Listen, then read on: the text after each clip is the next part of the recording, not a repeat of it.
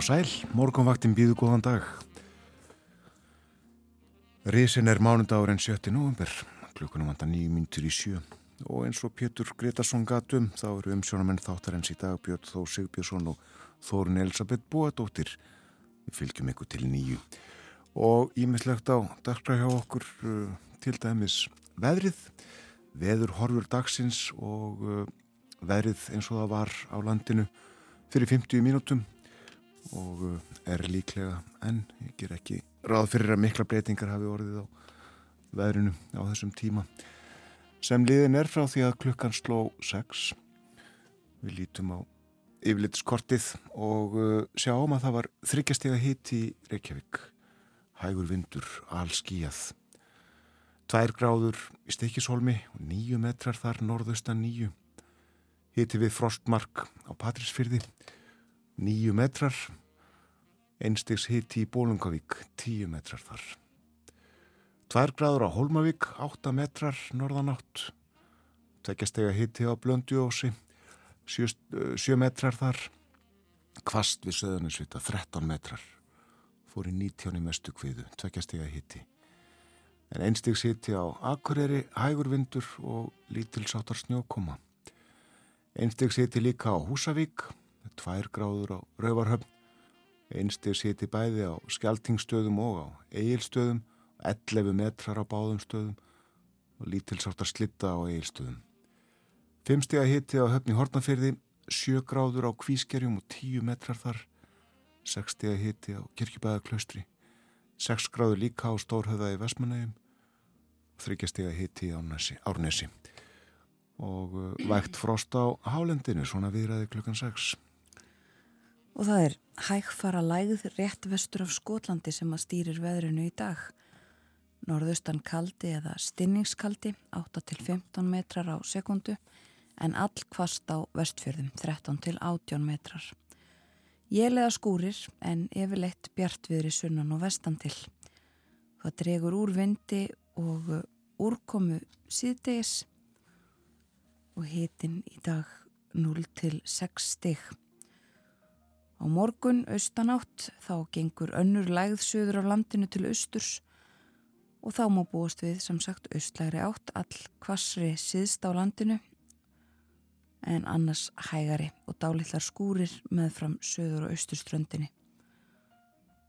Áframverður bjart og þurft á vesturlandi og hitast í það sama 0 til 6 stig að deginum aðeins hlýra svo á miðvíkudag en áfram norðaustanátt og áfram bjart á vestanverðurlandinu og það á líka við á femtudag og uh, ágættis veður sínist okkur uh, í kortunum áfram næstu daga. Já, hljómar vel.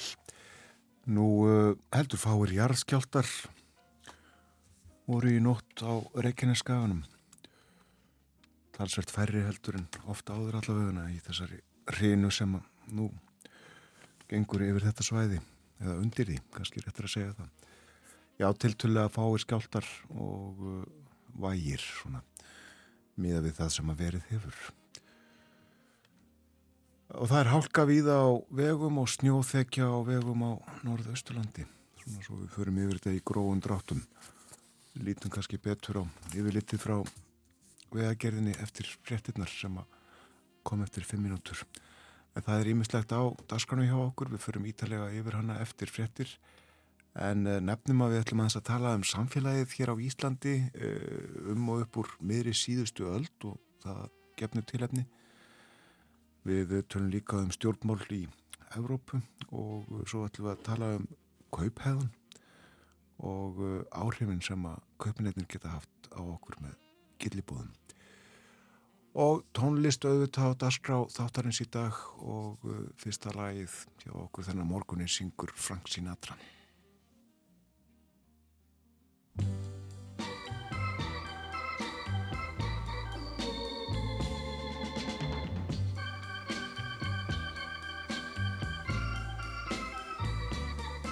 That's life. That's life That's what all the people say You're riding high in April, shot down in May. But I know I'm gonna change that tune. When I'm back on top, back on top in June. I said that's life. That's life. And as funny as it may seem, some people get their kicks stomping on a dream. But I don't let it, let it get me down. Cause this fine old world, it keeps spinning around. I've been a puppet, a pauper, a pirate, a poet, a pawn and a king. I've been up and down and over and out. And I know one thing.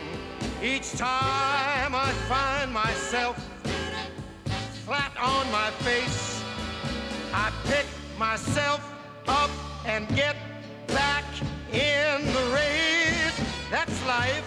That's life. I tell you, I can't deny it. I thought of quitting, baby, but my heart just ain't gonna buy it. And if I didn't think it was worth one single try, I'd jump right on a big bird and then I'd fly. I've been a puppet, a pauper, a pirate, a poet, a pawn and a king. I've been up and down and over and out. And I know one thing.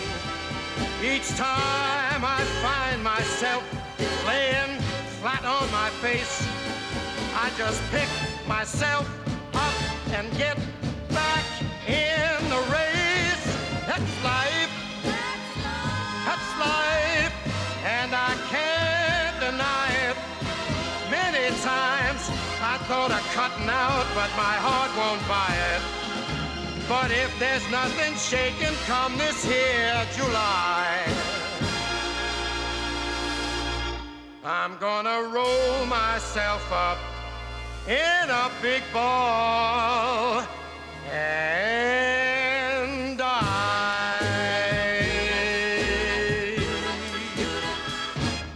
My, my.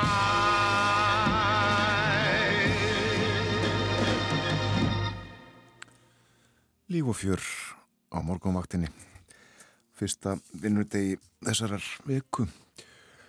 Frank Sinatra, söngum lífið. Það líður að frettum hjá okkur.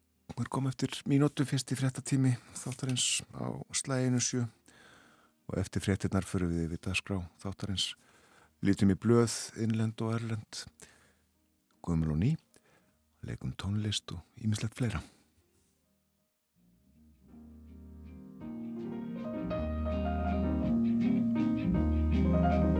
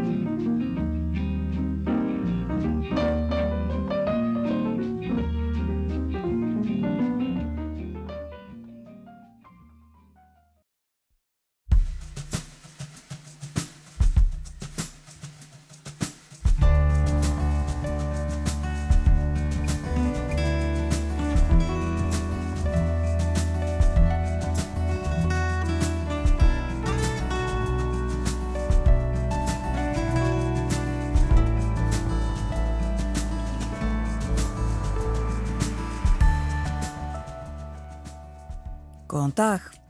Morgunvaktin helsar mánudaginn 7. november. Björn Þór Sigbjörnsson og Þórun Elisabeth Bóadóttir eru umsjónamenn þáttarins í dag. Og meðal þess sem við ætlum að gera í dag er að reyna að skilja Íslands samfélag frá því eftir stríð og fram eftir síðustu öld.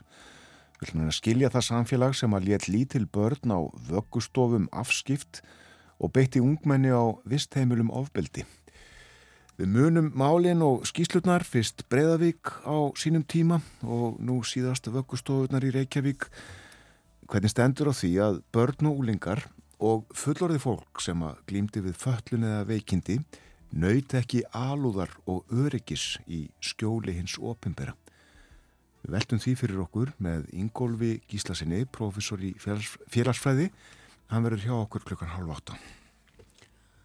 Og framöndan eru stórir afsláttardagar, dagur einhleipra, svartur, föstudagur og þar fram eftir göttunum. Og svo er þetta jólinn. En af hverju hafa auglýsingar um svona lagað og afslættir áhrif á okkur? Hvað er þar að baki? Við ætlum að velta því og fleiri fyrir okkur með Gró Einarstóttur, félagssálfræðingi sem verður með okkur klukkan halv nýju. Og Björn Malmqvist verður líka á morgunvaktinni í dag í spjalliðum stjórnmáli í Evrópu. Þá verður meðal annars rætt um mögulega aðild Úkrænu að Evrópusambandinu. Formlegar aðildavirðaður kunna að hefjast á nýju ári. Og uh, við ræðum líka þingkostningar í Hollandi.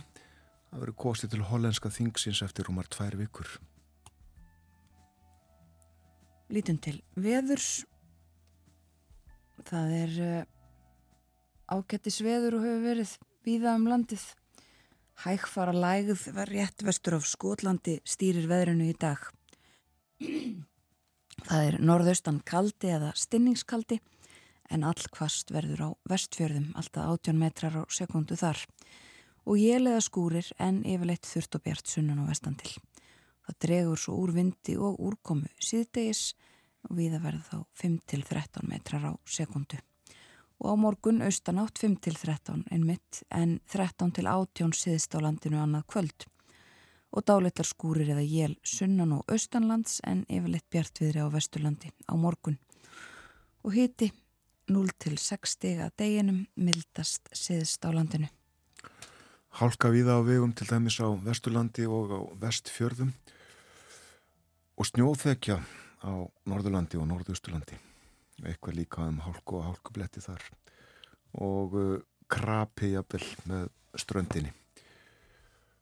Fyrir austan tiltekið að uh, það er hálka á faradal, víðar líka á austurlandi, ófært um auksi. Þetta eru skeitin frá vegagerðinni þannig morgunin. Nú fyrir helgi þá gaf uh, veðustofan út uh, yfirleitt yfir tíðafarið í oktober okkur láðist að fara yfir það. Gerum það núna, tíðafar var nokkuð hagstætt í oktober. Hiti á landsvísu var nærri meðalagi árana 1991 til 2020 og það var að tiltölu kaldast á norðausturlandi en hlýra suðvestanlands og það var sérlega hægviðra samt í lókmánaðar. Og meðalhitin í Reykjavík var uh, aðeins yfir meðalagi árana 1991 til 2020 en jamt meðalagi síðustu tíu ára. Og uh, meðalhitin á Akureyri var 0,8 stegum undir meðalagi 91 til 2020 en vel undir meðalagi síðustu ára. Munnaði þar 1,3 stígum og uh, snjór. Jörð var alauð alla morgnaði Reykjavík nema einn dag þegar það var flekkótt á Akureyri voru fjórir flekkóttir morgnar annars alauð fyrsti snjór mánaðarins fjall víða 12. oktober og uh, þá var einnig tölvert kvassviðri þó nokkrar samgöngu trublanir urðu á fjallvegum. Nokkrir mólar úr um, tíðafarsskíslu viðstofunar frá nýliðnum óttúberi mánuði og uh, dagurinn dag verður ágættur hvað veður áhrær og horfurnar fyrir vikuna bara daggóðar. Við lítum í blöðin, búa sig undir eldgós á suðunum sem segir hér í fyrirsögn sem að uh, næri yfir alla síðuna, uh, alla fimm dálkana. Landris við svartsengi heldur áfram og samar, á sama hraða og áður á meðan kvika sapnast undir nýri og þar er virkun, segir hér, sem útvegar heitt vatn fyrir alla íbúa Suðunesja um 31.000 manns, auk hluta rálmags og nýsluvas. Og sagt frá því sem við heyrðum í fréttunum í gæra, það er verið undirbúa flutning tveggja vara aflstöða til eh, Suðunesjana ef náttúru hamfarir eh, skildu valda heitavassleysi og eh, rætt hér við Guðmundinga Ásmundsson forstjóra landsnett í tengslu við það mál. Við erum með allskynns viðbúnað og undirbúning, segir hann. Allt eftir því hvað kemur til með að gerast. Og uh, svo segir hér ef hýtt vatn hættir að berast um leðslu söðunisja þá gætu leðslutnar orði fyrir skemdum og uh, svo er talað við Kjartan Má Kjartansson bæjastjóra í Reykjanesbæ og hann hvetur bæjabúa til að gera ráðstafanir Fólki er ráðlagt að undirbúa sér sjálft með því að komast yfir ramagsopna eða gashittara og slíkt. Fólk þurfi að hugsa hvað get ég gert til að tryggja mig. Það sem er alveg ljóst er að við ættum að geta fengið kaltvatn og ramagn en okkur mun skorta heittvatn, skorta heittvatn sem er stóra máli þegar það er að koma vetur. En eh, eins og við fórum yfir fyrir fréttinnar og framkom í fréttatímanum líka að þá voru býstna fáir skjáltar á Reykjanir skaganum í nótt niða við síðustu sólarhinga. Þetta var svona það sem við drögum fram að fórstíðu morgunbladsins þennan morgun. Og uh, lítum þá út í heim. Byrjum á uh, politíkan í Danmörku. Þar er uh, umfjöllunum um uh, höfnina í Antwerpen og fleiri staði uh, en það segir að þar hafi á síðast ári verið gerð upptæk 110 tonn af kókaini. Það hafi verið met og kókain streymi inn til Evrópu. Ekki bara inn í þessa höfn en umfjöllun um þetta sem sagt á fórsíðinu og inn í blaðinu. Höfnin í Antwerpen er næst stærsta höfn Evrópu, segir. Það eru fleiri en 400 engafyrirtæki sem eru þar með starfsemi og 60.000 mann sem að vinna þar á hverjum degi. Og uh, farið yfir það hvernig þessir hlutir virka, hvað gerist og, og hvað er þarna á seiði.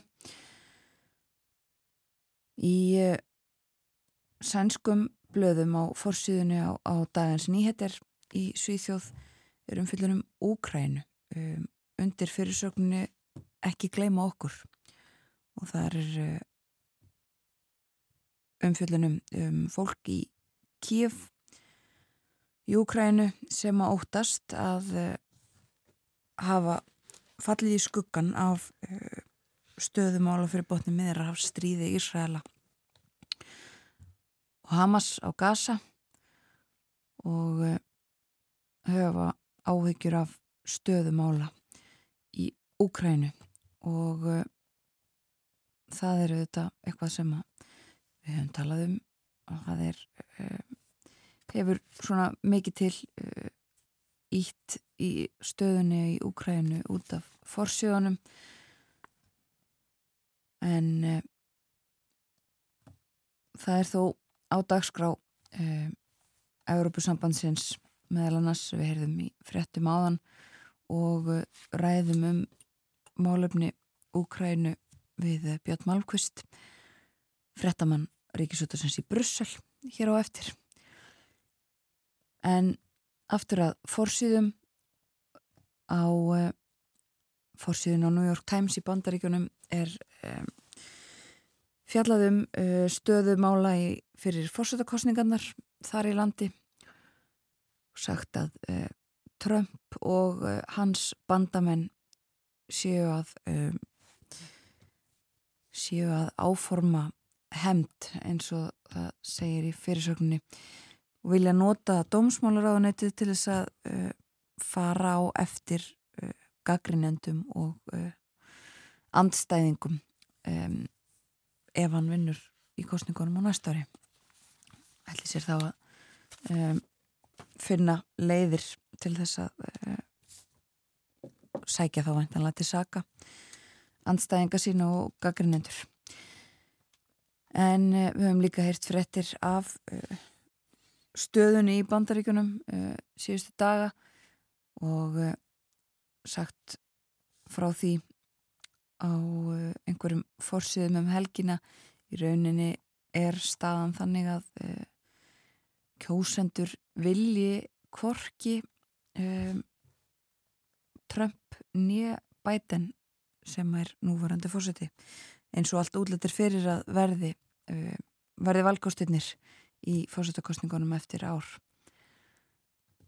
En uh, það getur margt gerst á einu ári og líka fjallaðan það í, í til dæmis Breska ríkisútarpinu hvað geti gerst og hvað hafi áður gerst til að breyta áliti fólks og kjósenda. En líka hægt að nefna það að uh, þessir hlutir geta auðvitað uh, mótast af stöðunni fyrir botni miðrarhafs Antoni Blinken, auðaríkisráð þeirra bandaríkjana uh, í stjórn bætens er á ferðalagi og hefur ekki orðið mikið ágengt. Hann ætlar að ræða við Tyrki núna næsta uh, næsti áfangastæður hans.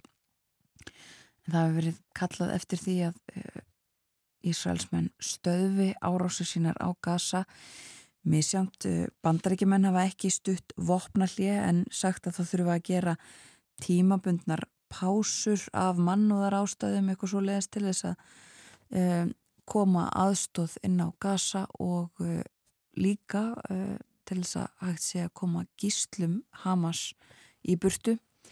En nú hefur það gerst að það tekið sér saman yfirmenn nánast allra stóra stopnana samir afsakið saminuðu þjóðana um, ásamt fleirum tekið sér saman og, og gefið frá sér yfirlýsingu og uh, líka skrifa þar undir til dæmis yfirmenn uh, Save the Children um, og annara stóra mannúðar samtaka en í þessar yfirlýsingu sem er sjálft geft að gefin sér út þá segir við þurfum vopnallið af mannúðar ástæðum strax. Þetta segja yfirminn allra stærstu stofnana saminuð þjóðana 30 dagar eru liðnir, eh, nú er nóg komið þessu verður að linna núna.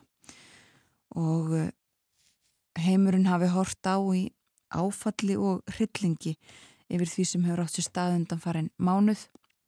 Fyrst talaðum árás Hamas á Ísrael þar sem að 1400 voru drepin og þúsundir særðust og auk þessara gíslatöku og Fólk hafði þurft að yfirgefa heimili sín í Ísrael og eldflögar haldi áfram að hræða fólk.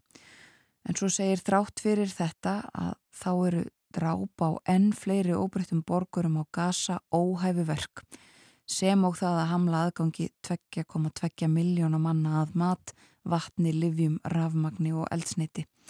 Þetta er óásættanlegt ástand. Farið yfir uh, líka fjölda látina og sagt frá því að 88 starfsmenn uh, flótamannahjálpar saminuðu þjóðana uh, hafa látist í loftarásum og það er einstæmi, það hefur aldrei gerst í einum átökum að slíkt gerist en það verðist ekkert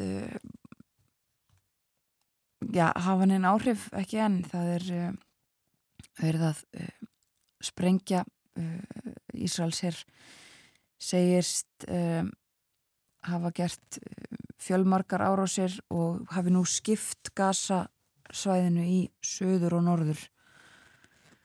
Við fylgjast áfram með þessu þegar líður á morgunin.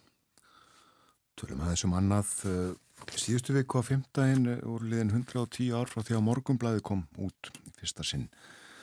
Það er sérstaklega annan november 1913 sem fyrsta tölublaði kom út. Við lásum aðeins úr því í síðustu viku.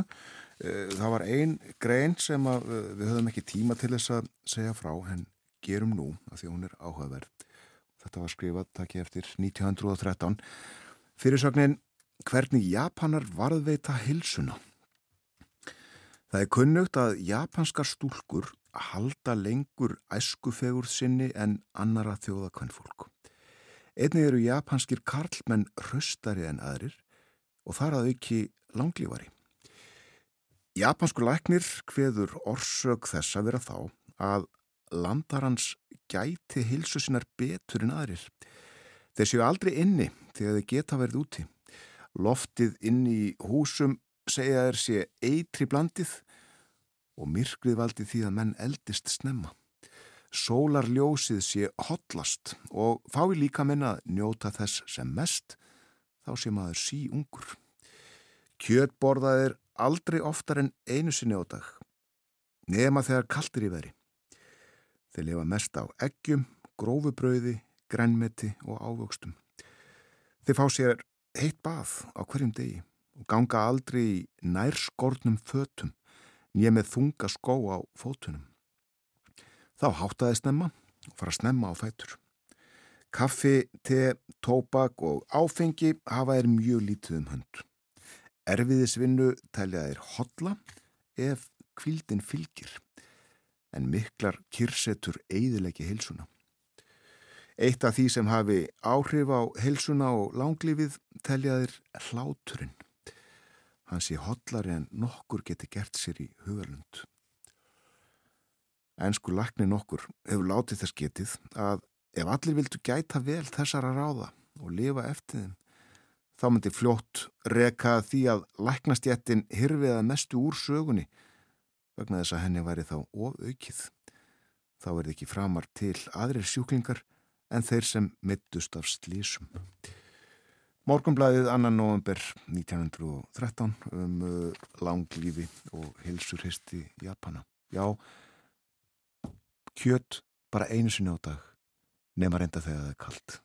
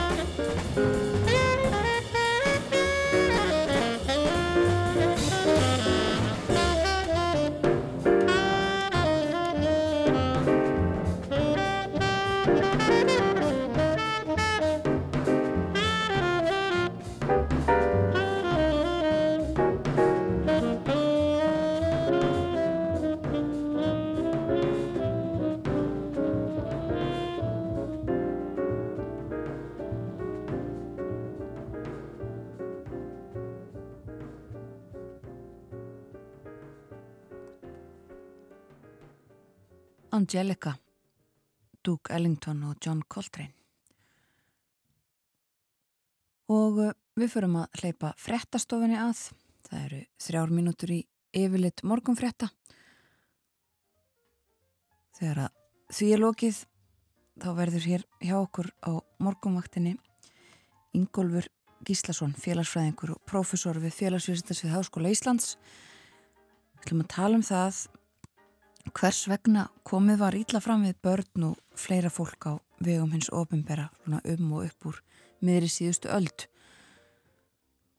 Tilefnið uh, þessi síðasta skísla sem að uh, kom út um meðferðina á vöggustofum í Reykjavík sem er bara síðasta skíslan af þó nokkrum um svona mál. Ingólfur verði með okkur hér eftir örfáa mínútur. Og svo verður með okkur Björn Malmqvist fréttamaður í Brussel eins og yðurlega á mánutugum eftir fréttirnar og í lókþáttarins þá ætlum við að velta fyrir okkur auglýsingum og áhrifunum sem þau hafa á okkur.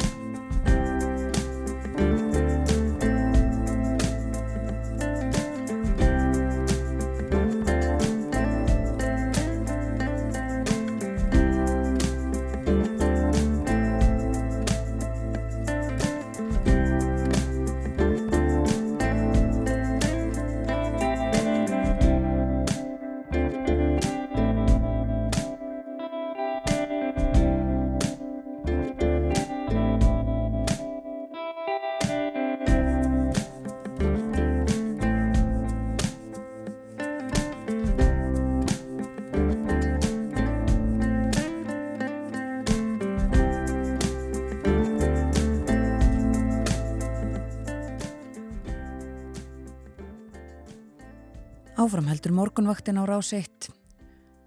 Klukkan orðin rúmlega hálf átt á þennan mánudags morgun. Það er 7. november í dag. Lítum aðeins til veðurs. Norðaustan 8 til 15 metrar á sekundu en 13 til 18 á vestfjörðum í dag. Jél eða skúrir en yfirleitt þurft og bjart sunnan og vestan til. Það dregur úr vindi og úrkomið síðtegis viða 5 til 13 metrar á sekundu síðar í dag. Á morgun austanátt 5-13 metrar á sekundu en 13-18 síðist annað kvöld. Dálitlar skúrir eða jél sunnan á austanlands en yfirleitt bjartviðri á vesturlandi. Og bæði í dag og á morgun má gera ráð fyrir hita á bylnu 0-6 stig að deginum, mildast síðist á landinu.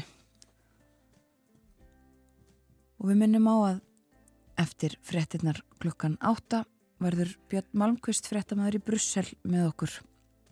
Við ætlum að tala um kostningar sem að verða í Hollandi eftir uh, tvær vikur rúmlega en líka um uh, stöðumóla í Úkrænu.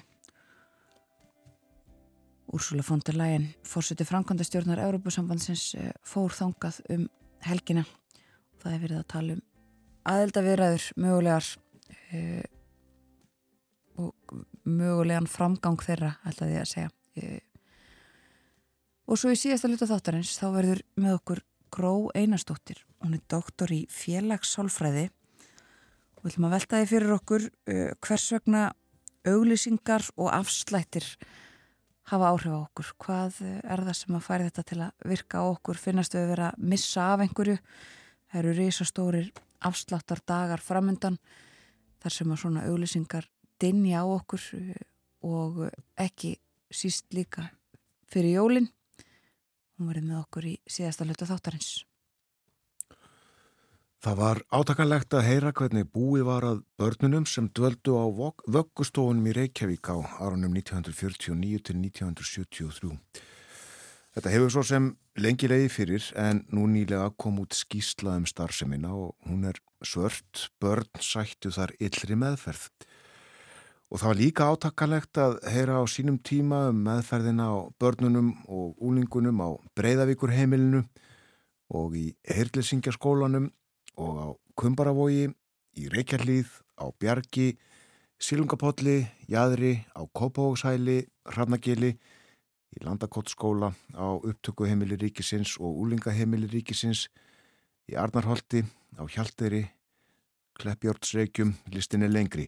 Hvernig stendur á því að ríkið og eftir aðtökum sveitafjöluin veitt ekki börnum og fullornum sem þess þurftu með örugt og gott skjól? Hvusla samfélag var hér á árunum eftir stríð og langt fram undir síðustu aldamót? Var það talið börnum til heitla að láta þau afskipt og jafnvel beita þau ofbeldi?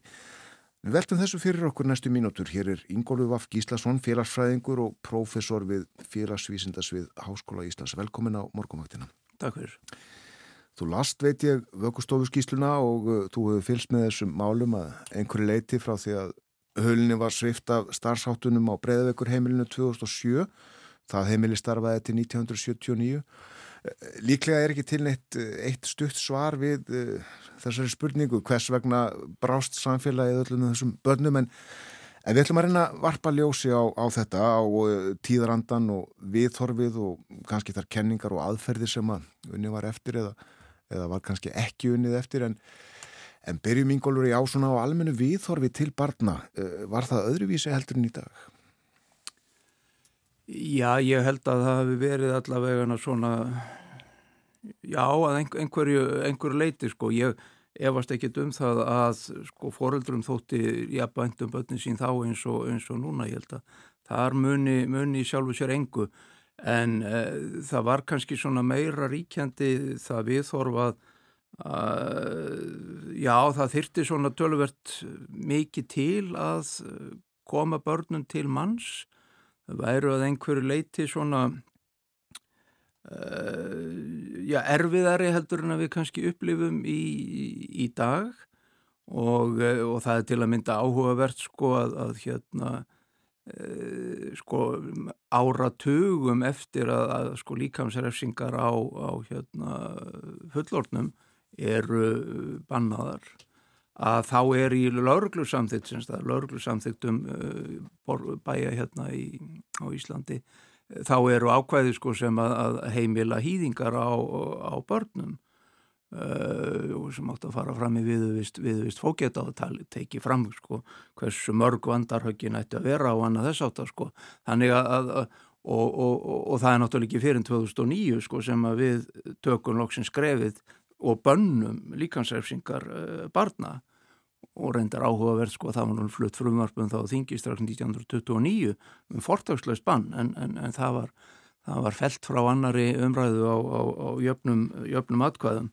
En ég held líka að, að þarna skipti þarna skipti máli sko að, að þú taldi nú upp að þessi hérna, heimilu og, og, og mikið af þessu var sko utan borgarinnar, utan borgarmarkana það var svona ríkjandi svo stemning að uh, borgin sem slík væri varasum fyrir börn og ungmenni.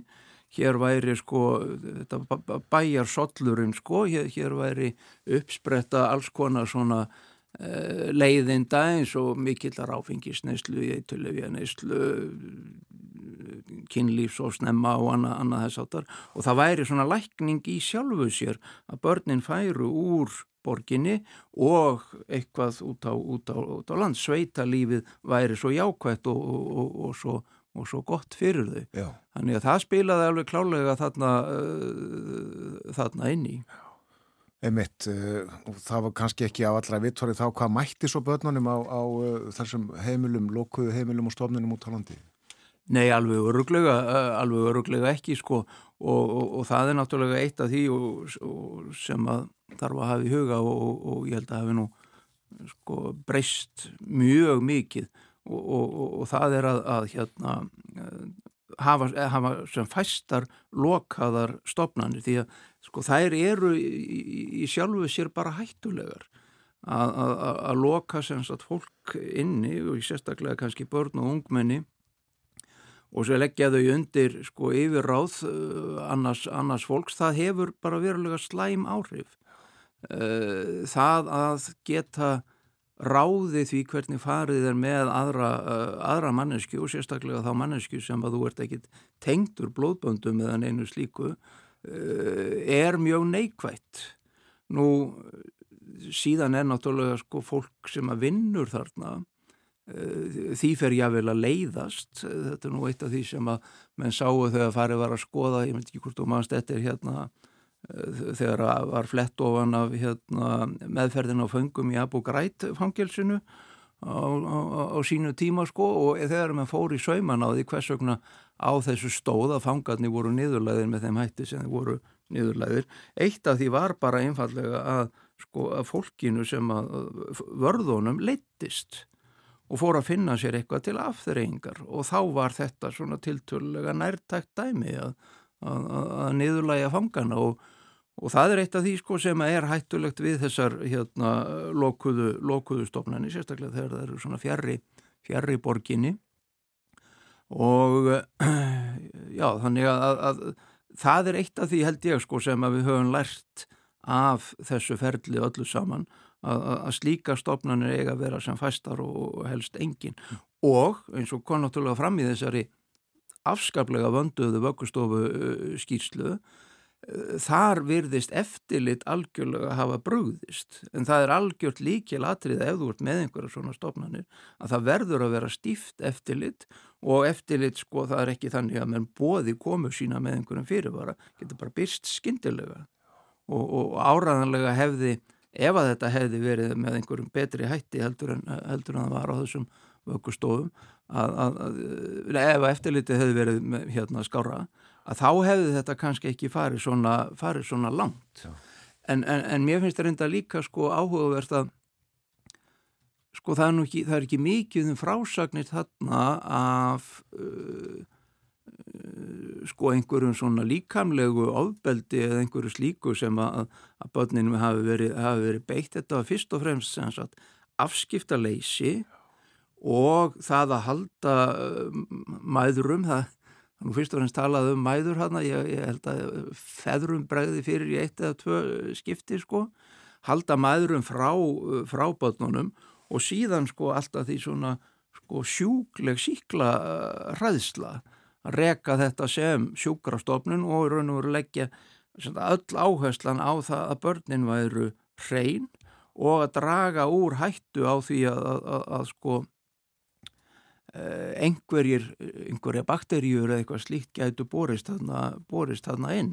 Þannig að, og, og, og þá sitjum við uppi með stopnun sem að, sko, það er ekki, ég vil sé, tvö dæmi sem að nefndir þarna um að börn hafi dáið í, í, á, á, á vöggustofunni, eða vöggustofunum, en, en, en þannig að það tókst sem sagt að þetta að halda síklónum úti, að halda, halda lífi í börnunum, en, en þessi þessi tengsl sem að eru svo algjörlega central til þess að börn verði að fólki, verði að mannum, það, því var algjörlega hafnað. Og, og, og mér fannst mjög áhugavert að þegar ég fór að lesa þetta því ég held að, að þarna hefði kannski spilað inn í uh, svona stefna sem að var svolítið til á, á Íslandi, ég veit ekki hversu ríkjandi hún hefur verið og, og var svona svona atverðlis atverðlishyggja, aukafull atverðlishyggja uh, en svo virtist ekki vera. Ég meina fólk virðist að vera meðvitað um nöðsin tengslana fyrir, fyrir börnin en neytaði sér samt um þau eða neytaði börnunum um, uh, hérna, um slík tengsl. Og það er nú vitnað hérna í bækling hérna, landlæknis um hérna, leiðbeiningar um meðferð uh, ungbarna og hann kom nú út held ég sex eða sjö sinnum á, á, á hérna síðasta uh, á síðustu öld. Og þar er beinlinni sagt sko látið barnið með öllu afskipta laust þegar það vakir ef ekkert er að því. Ungbörn þarnast engra skemmtana og einskis annars en að synd sér líkamlegu þarfum þeirra Þannig að í raun og veru landlækni leggur þarna upp þá línu sem að síðan er praktiseruð á, á vöggustofunni. Á hverju heldur að þetta geti verið byggt? Sko, ég held að menn hafi bara einfallega litið svo á að sko, börnin hafi raun og veru fæðst full snemma. Það þurfi bara svona að býða eftir því að líkamlegur þroskið er að verði þannig að þau geti farið að læra, að þau geti farið að leika sér, að þau geti farið að vinna og, og, og, og annað, annað slíkt. Og þessi, þessi atferðlishyggja, sko, hún, hún byrtist í eina, eina þetta höfuritum hérna, þeirrar stefnu kemur út hérna 1944 og, og heitir einfallega sko fyrstu árin leiðbeiningar um, um, um barnauppeldi og þar er sko sterklega varað við því að foreldrar faðmi börnin sín eða kissi þau eða takki þau í fangið eða eitthvað, eitthvað slíkt sko. Þú væri raun og veru bara að gera börnunum illt með þessu og er að gera þau að leikvöngum. En uh, ofbeldið sem að uh, úlingarnir máttu þóla á uh, heimlónum eins og Breiðavík og, og Víðar kann að vera einhver staðar sér til einhver kenning eða fræði sem að fyllt var þar?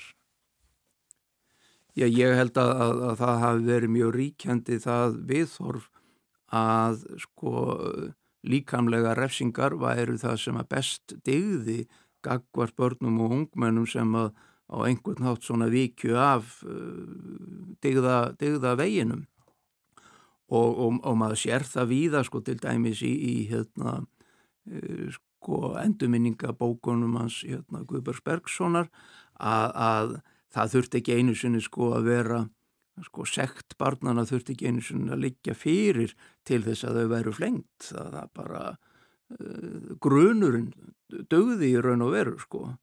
Og uh, og ég held að það viðþorf hafi verið og, og, og, og þetta er náttúrulega þegar maður er að, að fletta sko gamlum blöðum og bókum eða gamlum og gamlum og það er náttúrulega kristileg viðþorf veru, verulega miklu meira ríkjandi þá heldur en hér. Og, og, og, og það eru og voru fyrst og fremst eða aðja, allavega verulegu leiti hérna sko kristin viðþorf sem að íttu undir það að eðlilegt væri að sko refsabörnum og ungmennum líkamlega, ég meina þann sem þú elskar agarðu eins og, eins og segir nú bara í biblíun og ég man þetta sko greina flokki sem er byrtist í tímariti hérna, sem hétt Norðurljósið kom út á, á, á hérna, sjötta og sjönda áratögnum þar var semst greina flokkur eftir, eftir hérna, uh, þýttur eftir bandarískan uh, predikara. Og, og hann var sko ekki á neinum vafum það að svo lengi sem að afkvæmin búa heima hjá þér uh, á að hýða þau. Og hann vittnar náttúrulega í sko fullorðið fólk sem að bjóða en þá heima kona hann allir dæmi sko sem að lendi í þessu bara sko tveim eða þrem dögum fyrir brúðköpsitt og, og, og, og að sjálfsögðu eru þau afskaplega þakklátt fyrir þessa meðferð sko því að með þessu þá kemur fólk hérna bötnum og ungmennum til manns. Já, og heldur að þetta hafi verið uh, praktiserað bara ja, öðru hverju heimili eða Nei, ég, ég held, held, held, held það nú ekki en, en, en ég held að þetta hafi verið miklu, miklu algengara heldur en, heldur en það er í dag bæði, sko, vegna þess að það er náttúrulega miklu meiri þekking í samfélaginu á því hvaða áhrif þetta getur haft á börn og síðan náttúrulega þetta skref sem við tókum hérna 2009 að banna, banna líkamsrefsinga barna. Ég held að hvort ekki hafi skipt tölvört miklu máli. Já. Já, munum það að það var bara 2009 sem það var bannað. Já, já, já, já. En það e, þótti líka gott fyrir börnin að fara að vinna snemma? Já. Bara kortnung nánast?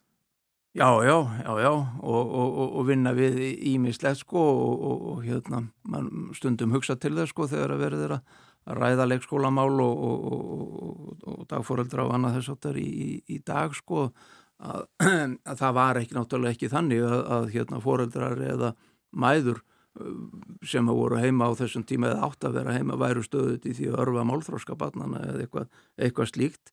Eh, það var náttúrulega ekkert óalgengt að sko eldri sískinni væri að passa þau og, og það mjög ung sko, þú veist 6-7 ára börn væru með hérna fjögur að þryggja fjögur ára sískinni sín í, í, í barnavagni að, að, að aka. Eh, sko ég held að svona á heildina litið hafi sko Ísland alveg fram á síðustu áratögi ekkert verið neitt rosalega barndvænt samfélag. Ég held ekki sko. En, en, en, en þessu, þetta hefur náttúrulega breyst alveg svakalega mikið. Bæði hafa náttúrulega sko lögum verð barna og ungmenna hafa verið endur skoðuð aftur og, og aftur og, farið til betri vegar. Það er komið sko hérna umbósmaður barna, barna og fjölskyldustofan og barnahúsið og, og, og, og þetta allt saman sko. Þannig að, að og síðan og síðan hafa náttúrulega sko verið auknir möguleikar að mörguleiti foreldra til þess að vera með börnum sínu kannski sérstaklega sko feðra. Þannig að, að ég held að já, ég, ég, held að við séum orðið sko bara nokkuð bardvænt uh, samfélag að sjálfsögðum á betur gera á einsum stöðum og, og, og hérna og það þurfti nú að, að bæta stöðun á, á leikskólanum uh, til dæmis tölu, töluvert en það breyti því ekki að, að, að ég held að við séum sko miklu bardvætna samfélag heldur en að við vorum sko á sjönda eða áttunda áratöknum. Já, mjög margt breyst bara á, á kannski 40 árum eitthvað slúðis. Já, já, já. já. Við höfum líka í ríkisvörðinni sko menta og barnamálar á þeirra. Akkurat sko, já, já. Það segir svolítið um afstöðuna. Já, þetta færst svona ofar á, á, í áherslu hérna rauðinni. Já, já. Og uh, stofnanirnar allar í samræmiðu þetta miklu betri heldur en uh, á sín tíma? Það held ég alveg öruglega sko. Ég, ég held að við komum tæplega til með að sjá svona sko skýrslur eftir 10-20 ára um það er stofnarnir sem eru regnar í, í dag, það held ég ekki sko. En það eh, er kannski ekkert mjög mikið einhverju vitað um einan tíma og, og, og svona hvað eiginlega gekk á og hvað fólki gekk til, það þarf kannski að rannsaka það betur svona, reyna að ná utanum þetta almenlega. Er þetta samlað mér í því? Já, já, já, svo sannarlega sko, ég meina við allavega við sem störfum upp í háskóla erum alltaf á því að, að það þurfi frekari rannsóknir og já, fleiri rannsóknir já. og betri rannsóknir en, og, og, og það eru náttúrulega sko þeim hefur náttúrulega verið að fjölga sko rannsóknum á æskunni og á, á börnum bara menna, þessar bækur um, um hérna sendi sveit sko sem að Jónína Einarstóttir og, og, og hérna Geir Gunnlaugsson hafa verið að skrifa og, og reyndar bara sko almenn skrif þeirra um, um meðferð á börnum sem að einmitt hefur leitt til þeirra niðurstöðu að, að við höfum sko, verulega bætt okkur á þessu, á þessu sviði. En, en, en svo sannarlega þyrti að, að leggjast í miklu dýpri og meiri rannsóknir á æsku og, og, og ungmennum. Og við eh, erum auðvitað að tala um tímanbíl sem að hefst þarna rétt fyrir 1950 eh, skömmu eftir setna stríð og og það er verið að byggja eiginlega upp Íslands samfélag, fólk hefur kannski um eitthvað annað að hugsa bara heldur um börnin. Já, já, já, já, þegar að skoðaður er sko vinnutími uh, fólks eða það sem við vitum um vinnutíma fólks þá sjáum við það að það var náttúrulega verið að þræla sko myrkrana á milli. Og og hérna og sama tíma eru sko konur að egnast að meðalteli millir fjögur og fimm, fimm börn sko. Þannig að, að, að þetta var þetta var mikið álags tímabil á, á fjölskyldur og á, á börn. Þannig að hérna já og það eru spilaði náttúrulega töluvert inn í þetta því að þegar að fólk hefur ekki almenlega tíma til þess að hugsa um og sinna börnunum að þá getur verið auðvelt að grýpa til þeirra ráða sko, sem að virka vel til skemmri tíma en, en, en, en eru, eru hérna, uh, léleg til, til lengri tíma litið. Og er ekki leifilega eða heimil í dag? Og er ekki heimil í, í, í dag sko og, og það er nú sko ég ég hef nú verið að kenna eða kendi námskeið sko sem að, snýri að hérna, fjölskyldu málum og eitt af því sem ég gerði var nú einmitt að spurja nefnendur um reynslu þeirra af því að hafa orðið fyrir uh, líkamsrefsingum uh, og mjög mörg þeirra kannast svo sem uh, við það en þetta hefur þá verið sko svona einstaka, einstaka tilfelli meðan að þegar að maður er með hérna, eldri, eldri frásagnir að, að, að þá, var, það, þá voru refsingarna svona miklu ritualiseraður og ofta tíðum sko. Tilkynnt að nú er þið refsað að fara inn í herbergi og síðan býða þarna einhver tíma og, og allt það sko. Þannig að og, og börn geta alveg skilið það að, að, að sko, stundum snappa fólkdra stundum, stundum missaðu sig og geta alveg fyrirgefið, fyrirgefið það. Það er, það er hitt sem að, að hérna, fer held ég langvest með þau sko. Já, þakkaði fyrir að vera með okkur á morgumvaktinni Ingólfur Vaf Gíslason. Já, takk sem leiðis Ingólfur, félagsfræðingur og professor við félagsvísindasvið Háskóla Íslands eh, við eh, reyndum að draga svolítið mynd af eh, samfélaginu hér frá því þarna rétt fyrir 1950 og fram eftir já, fram undir síðustu aldamót held ég með að segja í tengslum við allar þessar skýslu sem að skrifar hafa verið um meðferðina sem að börn og annur, annað fólk sem dvaldi á vist heimilum um lengri eða skemmri tíma um meðferðina sem að þurfti að sæta þar Framöndan eru fréttir hjá okkur á morgunvaktinni.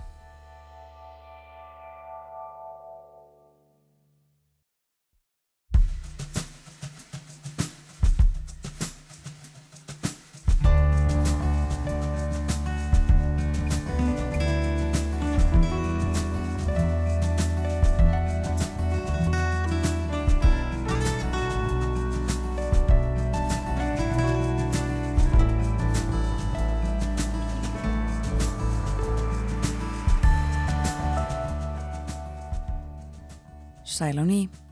Þau eru að hlusta morgumvaktin á rás 1. Klukkan tæpar 6 minútur gengin í nýju og það er mánudagur, 7. november. Ekki tekið að byrta en eins og Brynlur Þór Guðmundsson fór yfir ágættis veður á landinu uh, í dag og á morgun svo litið kvast samt á vestfjörðum sérstaklega og ég leiða skúrir norðan og austanvert landið og hálka á vegum viða. Það er gott að hafa það í huga. En eh, eins og yðurlega á mánudagsmórnum á þessum tíma þá erum við komin í samband við Björn Malmqvist, fréttamann í Brussel. Góðan dag. Góðan daginn. Við ætlum að fjalla eins um kostningar sem verða í Hollandi eftir rúman halvan mánuð hér á eftir en uh, byrjum á uh, heimsókn Úrsulu Fonderlægin fórsetta framkvæmdastjórnar Evrópusambandsins. Hún var í kefum helgina. Það uh, snýrist er það ekki einna helstum fyrirhugaðar aðeldarviðraður Úkræna að Evrópusambandinu. Jú, það er rétt. Uh, náttúrulega, uh, sko, Fonderlægin hefur náttúrulega oft komið til Kiev áður síðan, síðan innrás rúsa hófstild þessi sjötta skipti sem hún kemur til kjæningars uh, hún náttúrulega er að, að koma til þess að ítrekka og, og minna á stuðning Európa-samhansins við Úkrænu þrátt fyrir allt annað sem er að gerast í heiminum en hún sést úkaði þarna upp á lögadaginn í heimsók sem var ekki tilkynnt fyrirfram eins og vennilega þegar fólk kemur til Úkrænu, hitti Selenski fósetta að sjálfsögðu og hjælt svo ræðið í Úkrænska þinginu sem að snýrist eins og, eins og myndist á mig að miklu leitu um það sem að Úkrænumenn hafa verið að gera til að uppfylla, til að uppfylla skilirði uh, sem að, sem að Evrósambandis hefur sett þeim þannig að sko aðildar viðraður geti hafist. Skulum byrjaði að heyra brota því sem að von der Leyen sagði í þinginu um það sem að Úkrænumenn hafa verið að gera á undarfartum mánuðum. You have reached many milestones, reforming your justice system, curbing the oligarchs' grip, tackling money laundering, and much more. This is the result of hard work. And I know that you are in the process of completing outstanding reforms. If this happens, and I'm confident Ukraine can reach its ambitious goal of moving to the next stage in the accession process. Hún var sérstaklega sko að tala um endurbætur á dómskerfinu, aðgerða til að draga úr áhrifum auðkýfinga, vinna gegn peningaþvætti, það er sjálfsögðu verið að gera aðgerði gegn spillingu sem hafi verið landlægi í Ukræni í mörg ár og ef þetta allt saman gengur eftir sæðið fondilægin þá er nokkuð vísta að Ukræna kemst á næsta stig aðildar viðræna. Og hvað þýðir það? Það þýðir í rauninni að formlega viðræður um aðeld Úkrænu geti mögulega hafist á snemma, ári, eh, snemma á næsta ári. Úkræna sótti um aðeld í februar 2022 Uh, mér minnir að það hafi verið 28. februar, fjórum dögum eftir að rúsa reyðast inn í Úkrænu. Leittóra á ESB samþykti í júni í fyrra að veita uh, Úkrænu stöðu umsóknaríkis eftir að frangvátastjórnin setti fram svona skilir þeir fyrir slíkum verðum uh, í sjöliðum. Uh, það var náttúrulega sumt af því sem að Fonderlægin var að tala um í ræðinu sinni á lögadaginn og við heyrðum hérna á hann. Uh, Selenski var spurður um þetta á bladamannafundi um helgina, hann sagði að vinnan við að uppfylla þessi skilir að vera í fullum gangi, þrátt fyrir að sjálfsögðu að glemum því ekki að það er stríð líka í fullum gangi í Ukraínu og, og, og þessi vinna væri sko reyndar ekki aðeins bundin við þessi ákveðinu skilir, sagði, sagði Selenski. Svo náttúrulega svona ákveðin, ákveðin moment núna á miðvíkudaginn, að því að þá kemur út sko skýsla uh, sem sagt frangatastjórnar ESB um stöðu þessar, þessar, þessar undirbúnings í, í reyndar ekki aðeins í Ukrænu sem er náttúrulega kannski mesta aðteklinn á heldur líka í öðrum ríkjum sem er með stöðu umsóknar, umsóknar ríkis gagvart ESB það eru eins og við höfum talað um áður það er Albanía, Bosnia, Moldova, Svarlfjöldaland, Serbia og, og reyndar Tyrkland líka á svona lista en það er nú kannski önnur og mun lengri saga sem við förum betur í síðar. En þetta er nokkuð löngbyruð greinlega? Já, þetta er ansið löngbyruð og það er svona eins og við höfum talað um áður, það er svona ákveðin moment og svona ákveðin, ákveðin þungi í, í, í, í öllu þessu, þessum, þessum stækkunum málum sem að stafa kannski að miklu leiti af svona, segja, segja, breytri heimsmynd, sérstaklega í Evrópu. Já. Svo við förum ekki nánar til það. Og leðtóðanir hittust í Brussel fyrir eh, tíu dögum um það byll og eh, töluðu þá aðalega um ástandi fyrir botni miðararhafs en uh, Svo fundur um uh, miðja næsta mánuð þar um byll og uh, líklegt og talið er það ekki að, að uh, þessi stakkunumál verður til umfyllna þar? Jú, það er fastlega búist í því að það, sagt, þetta verður tekið fyrir það að það verður leituafundur 15. og 16. november eftir hvað, rúmar 5 vikur Desember, og já. það má Já, síst, já, desember myndi ég og það má reyndar sko bara mjög mikið gera ráð fyrir því að þar verði tekin formlega ákvörðun um aðaldavirðaður við Úkrænu. Ég veit ekki með önnur ríki í þessum hópi en allavega hvað var þar Úkrænu. Er stuðningur við aðald Úkrænu uh, meðal aðaldaríkjana? Já, það má segja það. Það er svona almennur stuðningur langt flestra ríkja og líka og kannski svona sko, mikilvægast að það er, það er svona stóru ríki inn í Europasambandinu eru mjög áfram um að, um að taka þetta skref en það þarf að sjálfsögðu samhljóða samþykki allra 27 og þótt að það hafi fengist í júni í fyrra eh, sem sagt gagvart eh, í rauninni að veita Ukrænu stöðu að eldar sko umsöknaríkis, þá er auðvitað ekki sjálf gefið að það vilja allir stíga þetta skref núna. Til dæmis, ég menna við getum nefnt Viktor Orbán, fórsettis á þaðra Ungarilands hann hefur verið kritískur í garð Ukrænu hann er komið með bandamann í þessu liði eftir að Robert Fico var nýr fórsettis á þaðra Slovaki, við höfum talað um það áður hvernig, hvernig Fico hefur talað um Ukrænu þeir tveir geta alveg og, hafa vissulega gert uh, aðtúasemtir við stefnu ESB kakort Úkrænu til, dæmis um áfórum um, um sagt, frekari fjárstuðning ESB fyrir Úkrænu. Það er verið að tala um langtíma fjóra, fjóra ára prógram upp á 50 miljardar evra. Uh, þeir hafa gert aðtúasemtir og hafa allavega enn sem komið er svona stæði í vegi fyrir því að það verði afgreitt endalega. Já. Það er eins og er eitt fyrir þá að tjá sig ofenbellega heima fyrir það er svo allt annað að standa í vegi fyrir ákvarðun sem að verðist vera svona frekar almenni stuðningur í, fyrir þessum hópi 27 ríkja þannig að ég myndi svona veði á að ef að skýsla, skýslan sem kemur út á meðugudaginn uh, um, um Ukrænu er jákvæð þá, þá séum svona meiri líkur en minni á að leðtóðanir samþykja að fara í formlegar aðeldavirðaður við stjórnumvildi Kíf að því að sjáu til það er heldur ekki endanlega ákvörðunum aðeld það svo óttur að taka þá ákvörðunum alltaf miklu setna. Sko. Já, en þeir eh, Orbán og, og Fítsjó fara báði fyrir ríkjum sem að hafa nú fengið meira úr Európa-samstarfinu heldur en þeir hafa lagt til, er það ekki?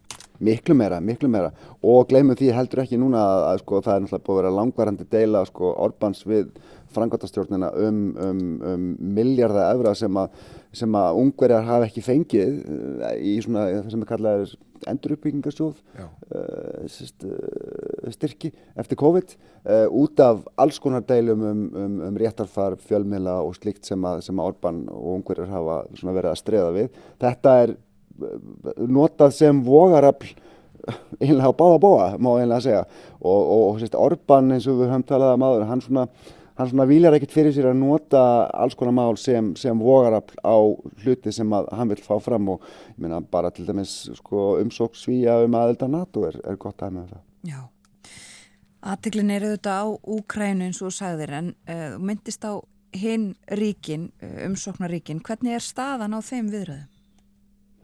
Sko svona almennt séð þá eru viðræður í gangi við nokkur þeirra.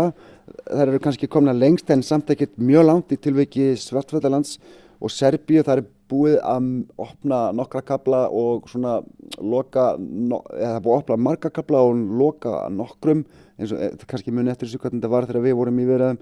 Það voru, það svona ákveðnir kablar um ákveðna málaflokka opnaðir og svo voru þeim lokað aftur af því það þótti sem sagt vera í rauninni búið að afgreða allt sem að það þurfti en hins vegar sko í tilviki Serbíu þá e, sko eru náttúrulega deilutna við Kosovo það sem að standa í, í sko veginum núna fyrir því að það stær aðeldi vera svona þókist áfram. Það er náttúrulega lögsaga sem að er búið að fara ofti yfir en kannski við förum betur yfir síðar. En, en sko Sest, svo hvað var þar sko hinn hliðin náttúrulega á þessum þessum, þessum, þessum, þessum stækkunamálum það er, hún snýr náttúrulega að sko Európa-sambandinu sjálfu og, og hún er, og, og þess að það er í rauninni umræðin um, svona það sem að menn sjá sem nöðsynlega breytingar á struktúr ESB til þess að það fungir sko með einhverjum 30 og hvað við segja 6-7 ríkjum innanbárs eftir, eftir, þú veist hvað veit ég, 5, 6, 7, 8 ár.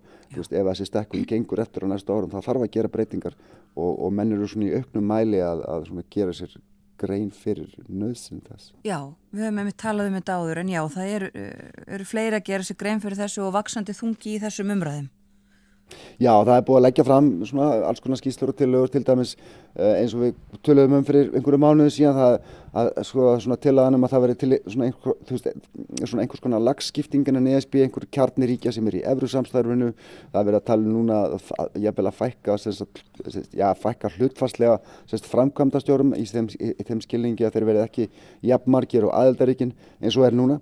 Það er mögulega verið að tala um að fækka hlutfarslega sko þingmunum og Evropaþinginu þú veist að halda kannski fjöldanum og óbrettum þótt að ríkjónum fjölgi en það er kannski það sem er verkilegast og verður kannski örgulega umdeildast það verður umræðinum að breyta reglum um hvernig sko ákvarðanir eru teknar til dæmis á sviðið utaríkismála sem að núna krefast þess að öll ríkin séu samþykkt, þar séu að samfluga samþykki.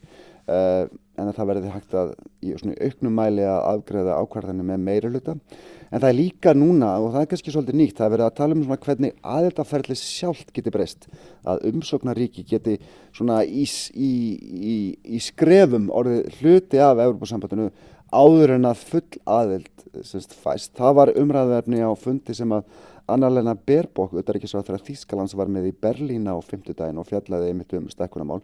Hún talaði um nöðsinn þess að stekka ESB af mörgum ástæðum en líka hún talaði um það og þannig að það tæki, það tæki ekki eins langan tíma og oft hefur gerst. Við skulum heyra brota því sem hún sagði í Berlín. Deswegen sollten wir uns fragen, wie können wir den Beitrittsprozess so gestalten, dass nicht noch einmal ganze Generationen ihr Leben im Warteraum der EU verbringen. Mehr Mittel und EU-Programme für Beitrittsländer öffnen. Von der Forschungsförderung über die Erasmus-Programme, aber gerade auch die praktischen Fragen des Lebens, über EU-Roaming und vereinfachte Visaverfahren. Þetta er semst að opna aðgangi alls konar samstarf, til dæmis Erasmus nefnendarskiptin sem að Íslandingar náttúrulega þekkja að mæta vel, en líka með svona praktísk atriði sem að snúa bara daglegu lífi eins og farsímadekkunin sem við þekkjum vel og, og þú veist ferðalög án vegabröðs áratuna. Von der Leyen sæði reynda svipaða hluti þegar hún var á Balkanskaðanum í, í síðustu viku og í Moldófu í síðasta mánuði. Það var, sko, það var svona túr sem hún tók til vantanlegra aðverðíkja. Hún talaði reynda líka um hugmyndir um að hleypa þessum ríkjum að hluta til og í skrefum inn á innri markaðin í umsóknarferlina. Þannig þannig að sem er líka svolítið nýtt, uh, nýtt element. Þannig að þessi umræða hún er á miklu flugi og er í rauninni þessi, eins og ég sagði, svona hinn hliðin á þessum pening sem er sem að, sem að fjallar um, um stækkunni þess bíða. Já, Björn, uh, förum í norður yfir landamæri til Hollands, uh, það verður kosið til hollandska þingsins 22. november, uh, ríkistjórn Rutes, hún sprakk í sumar og það út af afstöðu til innflytjenda, er það ekki? Jú, flótamannamála og innflytjenda. Flótamannamála, já, en hvernig er staðan í kostningabarátunni? Sko, já, við náttúrulega, hún, þessi, sko, þessar kostningar í Hollandi hafa svolítið kannski svona flóið undir ratarinn að undarförnum bara út á öllu öðru sem hefur verið að gerast en, og, og svona við höfum svolítið verið að tala um kostningar í aðaldaríkjum í SB undarförnum í Pólandi, Slóakíu en sko, þú veist, ekki bara vegna þess að politíkin í þessum ríkjum sé áhugaverði sjálfur sér, heldur líka vegna þess að niðurstöðunar geta haft og, og hafa áhrif á sagt, ESB sjálft og, og svona hvernig dýnamíkin er í leitóraðanu. Póland er auðvitað gott dæmi um það. Ég meina, þar hafa stjórnvöld staðið í langri deilu við framkvæmstastutuna hinn í Brussel. Niðurstaðan í síðasta mánuði bendið til þess að stjórnaranstæðin getið tekið við. Ég meina, Ungverðarland er annað dæmi. Um, í Hollandi gætu orðið breytingar þótt að sko staðan þar sé náttúrulega svo sem allt önnur í þessu samengi en, en, það, en það er nokkuð ljóst að það verður breytingar eins og, þú- eins og þú nefndir þá sprakk stjórn Mark, eh, Mark Ruttes í, í sumar. Hann er að hætta í pólitík, hann er búin að vera fósettisáður á Holland síðan 2010 hann leiti síðast fjóra flokka ríkistjórn hægri miðjuflokk sem að sem að, sem að einmitt sprakk í júli út af, út af málöfnum flótafólks og innflytjenda og, og það, það sem að og, og það nýja sem er að gerast í Holland er að það er svona nýr afsækið ég smá kvefa það er svona nýr hægri flokkur að þriðja sér til rúms í Hollandi, hann heitir NSC sem að stendur fyrir uh, heiti sem að geti verið nýr samfélagssáttmáli sem að geti þýtt það á íslensku. Þetta er glænýr flokkur, formlega stopnaði bara núna í ágúst og hefur verið að mælast með um 30% fylgi.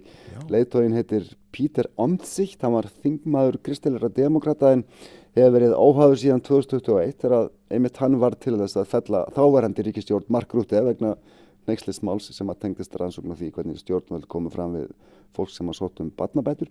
Þannig að NSC, þessi nýji flokkur, þetta er svona svolítið svona, svona eins og maður segir anti-establishment flokkur svona ágóður íslensku, til, svona settur til höfus ráðandi öflum í samfélaginu, hann, veist, hann leggur mikla áherslu á stjórnarhætti, velferðarkerfi, ég var að skoða heimasíðuna þeirra í gær, að maður kannski sé svo mikið meira og náttúrulega ekki neitt um auðvitaðrikismál en mann kannski svona ímynda sér að það verði kannski engar, engar grundvallarbreytingar á auðvitaðrikistefnu Hollands ef að, ef að þessi flokkur kemst í stjórn. Nei, og útlýtt fyrir gott fylgi segir já, uh, mælist með 30% núna, Já. en þetta er ekki einu nýjflokkurinn. Nei, það er annar nýrflokkur í Hollandi sem að uh, kallast BBB uh, sem geti, sem geti staðið fyrir bandala borgara og bænda. Uh, það er flokkur sem að uh, bara spratt upp uh, í vetur og fekk svo mjög gott brautagengi í héraðskostningum í Hollandi í vor. Það eru kostningar sem að, sem að reyndar hafa reyndar sko þýðarleikar eh, uh, þar sem að fólk er kosið í sko efri deild hollandska þingsins líka. Já. En- BBB er flokkur sem hefur einbeitt sér að umhverfismálum en kannski ekki á þannig hátt sem að, sem að svona umhverfisinnar gera heldur. Hafa þeir sko kert á anstöðu gegn áformum hollandska stjórnvalda um að fækka nautgripum? uh, sem, að, sem á að gera til að uppfylla reglur ESB um losun á köpnunarefni það er verið að að draga úr semst, losun á köpnunarefni og hollendingar gera ansi mikið að því að losa það út á landbúnaði. Þetta er reyndar löngsaga og, og, og virkar mjög djúbstað deila í Hollandi milli, milli semst, fólk sem hefur atvinni á landbúnaði og annara. Þessi flokkur hefur reyndar dalað aðeins í konunum að undarförna, hann var, hann var sko með yfir 20% fylgi í vor en það má kannski segja að svona báðir þessir flokkar BBB og, og þetta ný, nýji sáttmálinn þeir kannski svona hluta, svona þrýfust af því að, að, að svona hluti kjósendur er orðin svolítið þreyttur á, á, hef, á svona hefbundum flokknum en svo kemur alltaf á móti að, að flokkur Rútte sem er svona þessi klassíski hófsami evróski hægri flokkur með, hann er með í kringum 25% og svo er það bandala vinstrimann á græningja með álíka mikið fylgi. Það er reyndar nýr uh, leittói sem heitir Frans Timmermann, hann var uh, einn af frangotastjórum ESB hér í Brussel en, en hætti nýlega til þess að fara í, í pólitík heimaferðir. En það verður kosið núna eftir hvað hvað, 15 daga, 16 daga og það verður mjög gaman að sjá hvernig, hvernig framvendur í, í pólitíkinni í Hollandi. Fylgjus með þessu. Uh, hvað er annars svona uh, helst á dagskráni í Brussel næstu daga? Já, hérna koma fjármálaráþarar aðaldaríkjana saman á fimmtudaginn og það kannski sem snertur okkur er að fjármálaráþarar eftaríkjana þar með Íslands verða á þeim fundi. Það er svona árlega komaði saman og svona, eh, já, í dagskráni það er svona hljómar eins og þeir séu að fara að tjatta um efnaðasmál uh, og fjármál, uh, verðbólgu og eitthvað annað. Ég held að það verður nú öruglega bóðið upp á einhverja tvíhlega fundi til þess að tala um einstök hagsmunumál sem að, sem að ríkin, sem að, sem að ríkin varðar uh, gagvart ESB. Svo verður líka sagt, í tengslum við þetta þá verður fundur fjármálar og þeirra Norðurlandana á miðugudagina því að þeir eru alltaf flestir hérna hvað sem er í Brussel.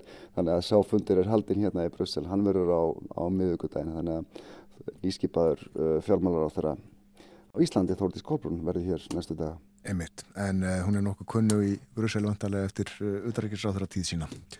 Hún ætti að, rata hinn í borginni held ég.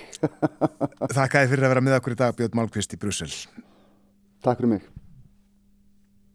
Hvef að ganga í belgísku höfuborginni er svo, svo víða margir uh, hóstandi og svona ræskja sig. Já.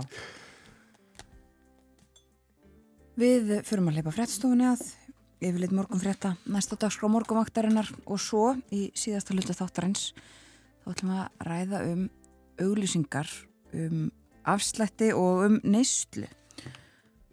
Þessir stóru afsláttardagar sem framundan eru og svo eru þau þetta jólinn.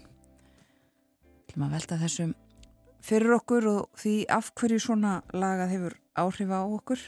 Gró Einarsdóttir, doktor í félagssálfræði er að koma sér fyrir hérna hjá okkur.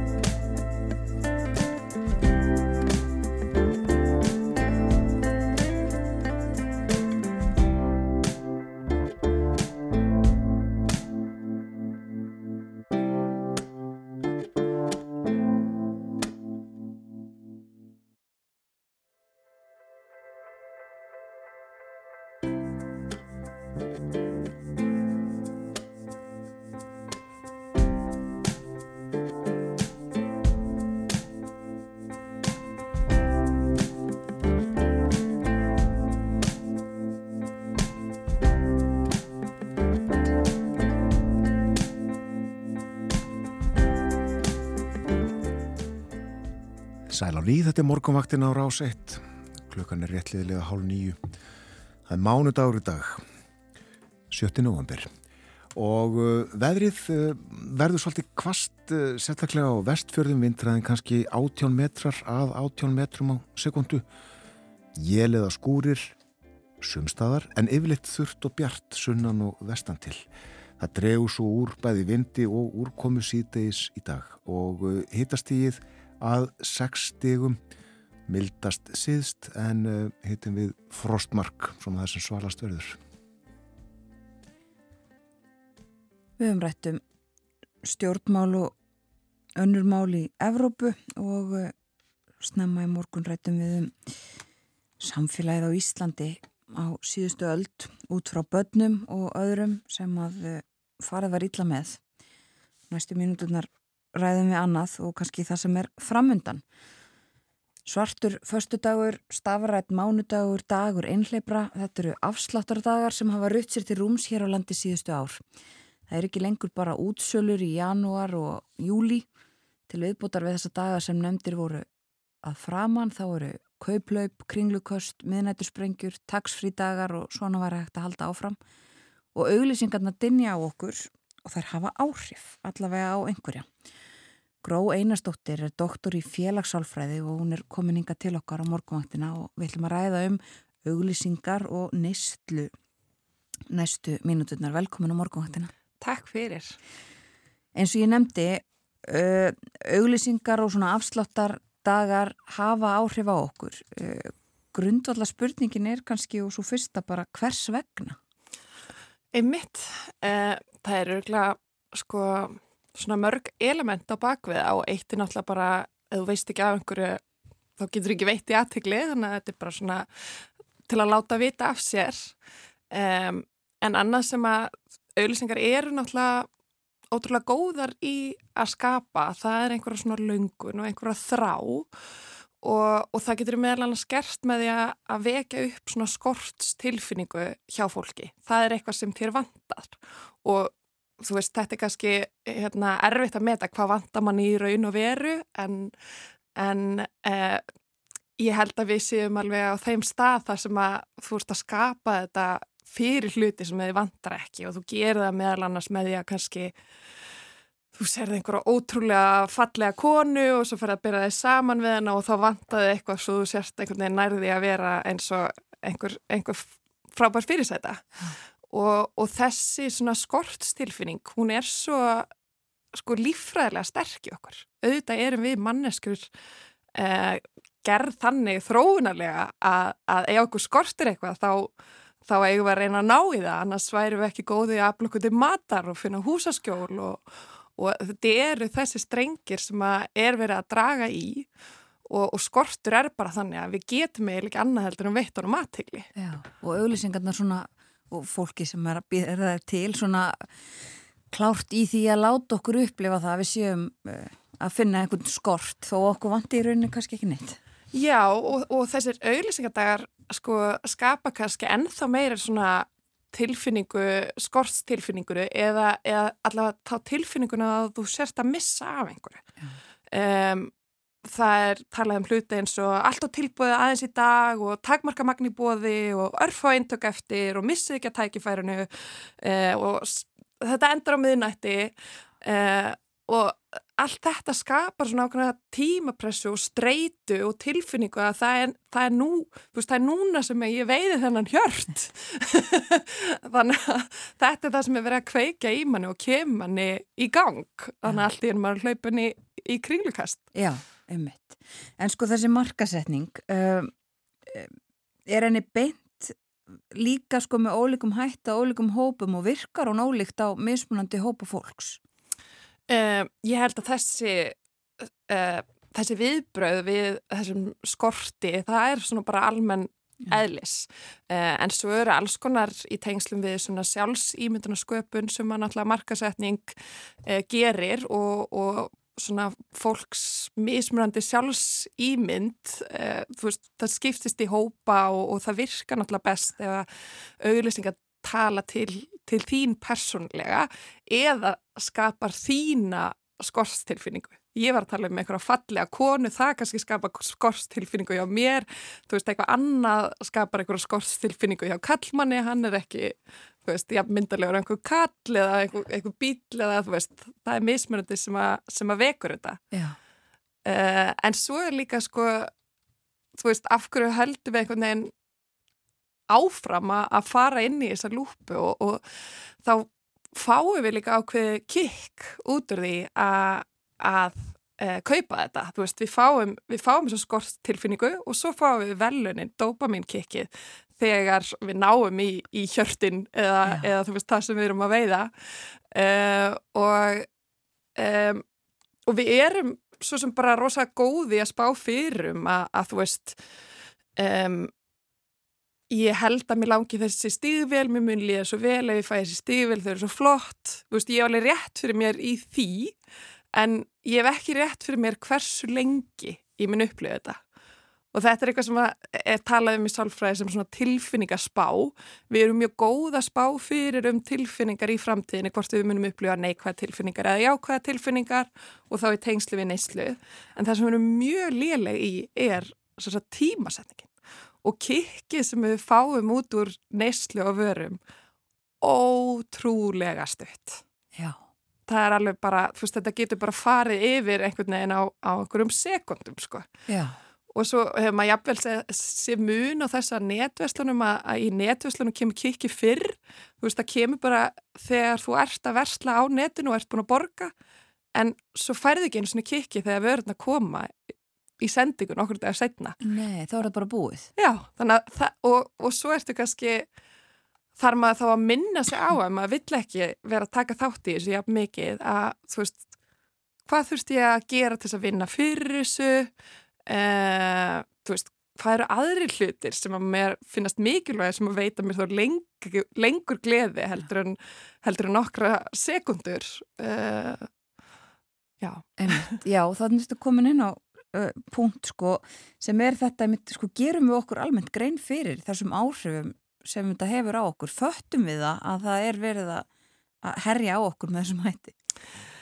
Ég held að flestir svona vilja einhvern veginn trúa því að þetta hafi ekki það mikil áhrif á mann. Það er óþægild að finna fyrir því að það er eitthvað stórfyrirtæki að toga einhverja strengi hjá þér og, og þú ert einhver strengjabrúð og auðvitað er þetta ekki þannig bara af því við sjáum auglýsingu einu sinni þá erum við strax farin út í búð en þetta eigur mjög líkunar á því að maður vestla eitthvað um, og, og ég held að alveg flestir hljóta þekka það í sjálfu sér að einhver tíman hefur keift meira heldur og þú ætlaðir eða keift eitthvað sem þú serð eftir eða, eða bara ef þú, ef þú situr niður að þessu hugsar þú veist hversu lengi var ég ána með þessi kaup hversu lengi og var þetta eins og ég hafi ímyndað mér við málum kannski upp svona glansmynd að þú veist þegar ég fæ hrærivilna þá ætla ég alltaf að baka nýtt brauð á hverju modni og, og svo er einhvern veginn lífið ekki þannig, þú ert bara setn í vinnuna og þú veist börnin eru erfið og,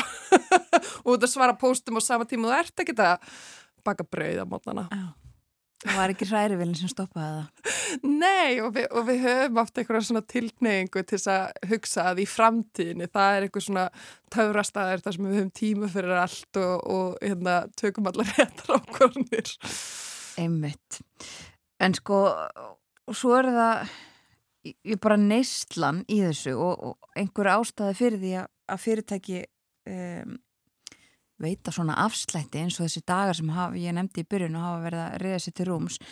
Það er væntanlega þannig að fólk er að kaupa meira heldur en annars. Fyrirtækin er ekki að gera þetta ef þau kem út í mínus. Já, ég menna almennt sé þá, þá benda allar svona tölur um, um smáurverslun og heilsöluverslun upp á við og hafa gert lengi og, og hérna og nafngiftin svartur förstu dagur það, það þýðir bara að bókald e, búðana fer úr rauði yfir í svart. Þannig að það er sko meira sér að skýra daginn eftir sjálfu sér. E, og, og hérna og, og maður trúður um allega að sé verið að bæta þessum dögum við nema að sé hafa ykkur áhrif af því að það er alveg bara þetta er í rauninni ekki mörg ár en það er bara eins og að sé nýr og nýr svona afslættadagur mm. annað þegar hvert ár sko. Og einmitt þeir virka og eins og segir Nýslan, það sína það tölur að verslun og Nýsla eigst, það er auðvitað gott að fá hagstatt verð fyrir það sem þarf að kaupa en Nýslan sérstaklega fer úr hófi eða hvað? Já, ég menna það sem við sjáum líka er náttúrulega bara loftlasa áhrifin af verslunni, þau, þau aukast í, í sama krafti eða þú veist, þetta er því miður allt og nátengt þessi umhverfisáhrif og uh, og hagkerfið, þú veist, verð glandsframleyslega er allt og nátengt umhverfisáhrifum og loftlasáhrifum sérstaklega. Um, það er alveg möguleg á að reyna að aftengja þetta betur eftir því hverju þú ert að neyta og uh, ef þú kannski einblini meira á þjónustu og þá er ég kannski ekki sérstaklega hugsa um þyrluflug heldur meira svona þjónustur eins og það sem að þú ert að nota vinnukraft fólks það er að bjóða þér upp á eitthvað námskeið þú veist, það, þú ferði í nutt þú ert að, að fara út að borða, fara í leikús eh, allar svona slíkar upplifunar og þjónustur það er eh, þær skapa þetta virka hagkerfi á sama tíma og umhverfisáhrifin er ekki mikil og fólk fær oft meiri og langvarandi hamingu sem sagt, ef þú ætlar að velja á myndið þess að fá þér ný stígvil sem þú þarf kannski ekki eða fara í leikús eh, að þá er í rauninni skynsælagast að nálgunin að fara í leikús Þa, mm. það hérna, er meiri langvarandi jákvæð áhrif fyrir þig.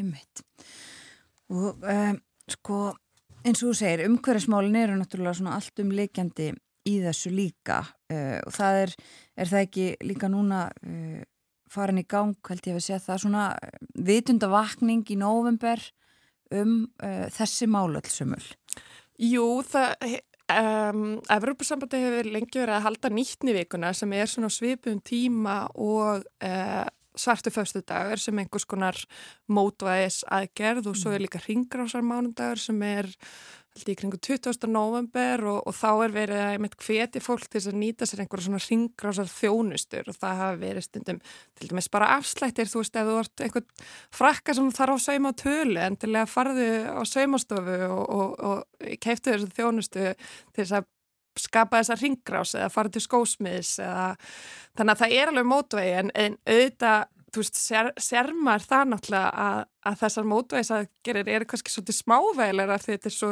þetta er svo stórst batteri, öll verslun og allar þessar auðlýsingar þannig að ég efast um að fólk hafi séð marg, jafn margar auðlýsingar um nýttnivíkuna og, og auðlýsingar um, um svartan festundag uh, en, en fólk getur náttúrulega bara kannski reyndleika að taka þátt í þessu sjálft af því að uh, jafnvel þó að maður sé ekki mikið hugsa um loftlasáhrifin, þá held ég að, að þú veist, við sjáum til dæmis bara fólk sem að heldur jól svona meira í kringum efnislega neslu, það nýtur jólan ekki eins mikið. Já, er það virkilega? Já, það eru rannsóknir á því, þannig að þú veist, ef að þú skapar jól meira í kringum samverustundir, að vera með fólkinu að borða góðan mat. Veist, þetta er það sem að fólk segir að skipta máli um jólin og núna það maður bara svona svolítið kannski, þetta er kannski góðu tími til að móta sér svolítið svona stefnu. Hvernig Já. ætla ég að halda jól?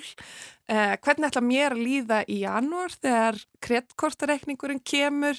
Hvernig, hvernig ætla ég að nálgast þetta? Þegar það er auðveldara svona að standa á sínu og ekki vera einhver strengjabrúða, einhver annara abla en maður er svolítið búin að skrifa það niður fyrir sig, kannski ég vil setja áheit. Já. ég ætla til dæmis að heita því að ég ætla ekki að kaupa neinar vörur á tilbúðstöðum í ár. Og ég ætla að heita því að uh, ef að ég nýti mér einhverja afslætt að þessum dögum þá verður það bara fyrir uppljónir Já og svona með því að gera svona heit og sérstaklega hérna í útvorfi að þá er líklega um að standi við það.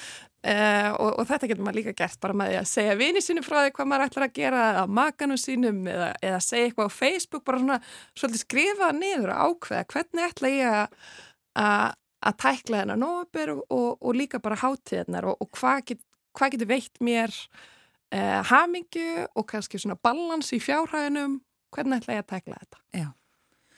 Og þá er mitt, því við erum að tala um jólinu og þú vorust að nefna áðan þetta með upplifanirnar og það, uh, það er þá líka þetta, uh, það er hægt að gefa svoleiðis. Já, heldur betur og, og ég hef svo sem gert það bara í mörg ár, þú veist, ég gef gafakort út að borða og í leikús og, og svo veit ég, ég á vinkonu sem að gefa krökkum svona krakkaparti hún held ekki parti fyrir krakka og þeim finnst það ótrúlega skemmtilegt og við fóðum nammi og pop og, og það getur verið, þú veist, kakostund með bestu frænguðinni og, og það er alls konar hægt að gera bæði sem að sumt kostar peninga, annað kostar tíma og fyrirhöfn, en þetta líka bara, þú veist, þetta skapar svo mikil markpöldunar áhrif, gleði fyrir þann sem gefur, gleði fyrir þann sem þykkur, samverustundir, mæli með. Og einmitt, þú ert svona aðeins búin að koma inn á nokkra hluti en, en bara fyrir fólk sem að eh, vill ekki eh, taka þátt í þessu og, og ekki missa sig, eh, kannski ekki bara núna um jólinn heldur svona almennt, eh, þú er búin að nefna þetta, það er að setja sér áheit mm -hmm. eða svona ákveða eitthvað. Eh, hvað er fleira getum við svona, geta einstaklingar gert? Ég held að þú veist, það róttakasta sem að maður getur gert í svona samfélagi er að vera sáttur.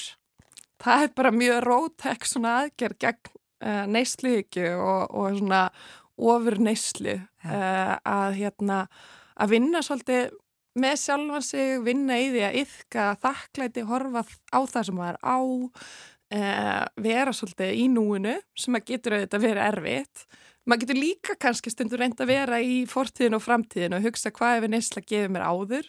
Og líka hugsa næstu skrefin ef ég kaupi þetta, hvað er ég komið svo fyrir? Þar ég að kaupa nýjan skipulaskassa með loki, þar ég að kaupa nýja kommóðu? Þú veist, er pláss, þar ég að taka til í allum skápnum af því að það er það flæðir allt út um allt? Þannig að svona hlutir að ég geti hjálpa manni að nálgast þetta. Já En sko þú nefndir líka á hann gró að þetta eru þetta stórfyrirtæki oft og, og þegar við erum að tala á heimsvísu og eins og í netverslun og svona um, og við svona kannski sem einstaklingar með um okkar stundum uh, lítils en eru stjórnvöld og svona batteríin svona stóru sem við eigum svona saman uh, eru þau að gera mikið í þessu? um, ég, ég held allavega bara svona eins og í öllum stórum breytingum að, að þá er þetta ekki fyrst og fremst einstaklingur sem að þarf að takast á við þetta, veist, það er náttúrulega einstaklingur sem að kannski ber ábyrð á sinna eigin ánægu einhvern veginn.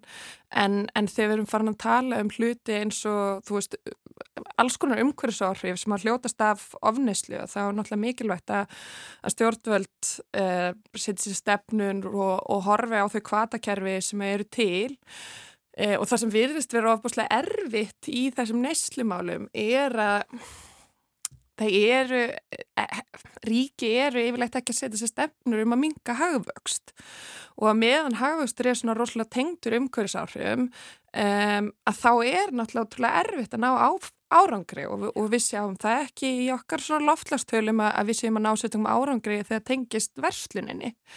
Um, það hefur gerst af einhverjum stöðum að þetta hefur svona aðeins aftengt þannig að þú getur fengið meiri verka landsframlegslu fyrir minni umhverfisáhrif en þá þurfum við til dæmis að byrja að mæla það og setja okkur markmið með það sem við erum að gera og ekki bara að mæla það heldur, ég meina, þú veist, Sæðlabankin stýrir öllu í kringum sína mælikvarða, hvaða, hvað, hvaða áhrif á það að hafa þegar við erum að hérna, nota meiri auðlindir til að skapa meiri verka landsframlegslu. Það er ekki góð verk landsframlegsla. Þannig að um, og svo, ég meina, stjórnveld búið náttúrulega til bjúrokrasi kringum ímslegt og þá þarf maður að skoða, sko, hvernig er bjúrokrasiðan fyrir þá sem að vilja taka þátt í ringráðsrakerfunu og hvernig er það fyrir þá sem er að taka þátt í línulega hagkerfunu. E, því miður held ég að of oft er sko meiri alls konar svona pappirsflækjur í tengslu með að taka þátt í ringráðsrakerfunu af eðlilegum ástæðum, stundum er að svona, maður er að passa upp á heilsufarslega hluti að þú veist það sem að feri gegnum ringráð sé, sé reynd og heilnæmt. Uh, en kannski er ekki lengur eðlilegt að hluti sem eru í línulegu hagkerfið þar sem maður bara kaupir og hendir að það fylgir því ekki neinn pappisvinna, þú þurfur ekki að raukstiðja, af hverju er ég að nota hérna umbúðir sem að öllum líketum kemst ekki kringum endurvinnslukerfið. Af hverju, af hverju þarf fólk ekki bara fylla í verulega pappisvinnu og sína fram á þetta sem nöðsynlegt en ekki bara vond ákvörðun fyrir samfélagið og, og umhverfið, sko.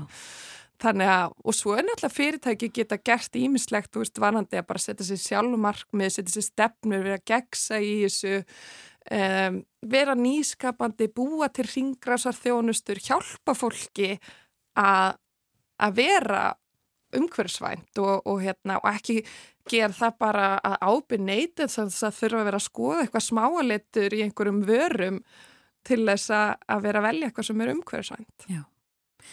Kæri það ekki fyrir að koma til okkar á morgunvaktina Gró Einarstóttir, doktor í félagssálfræði. Takk, takk.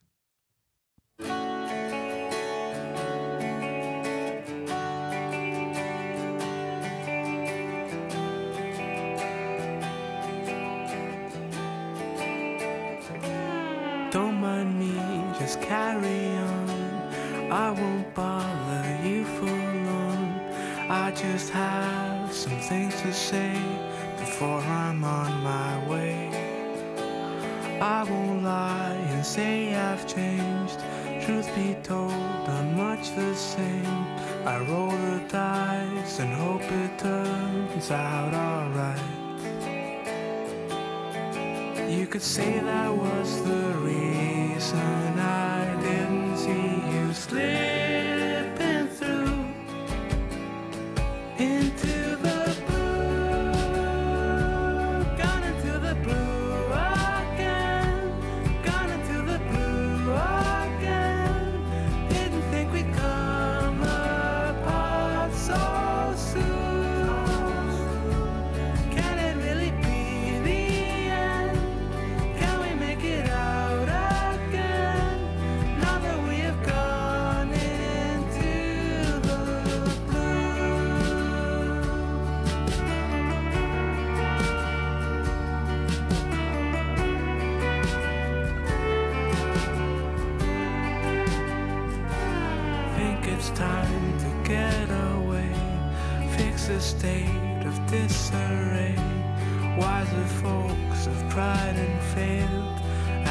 brutal.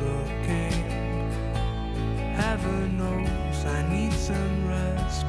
There's no doubt it's for the best.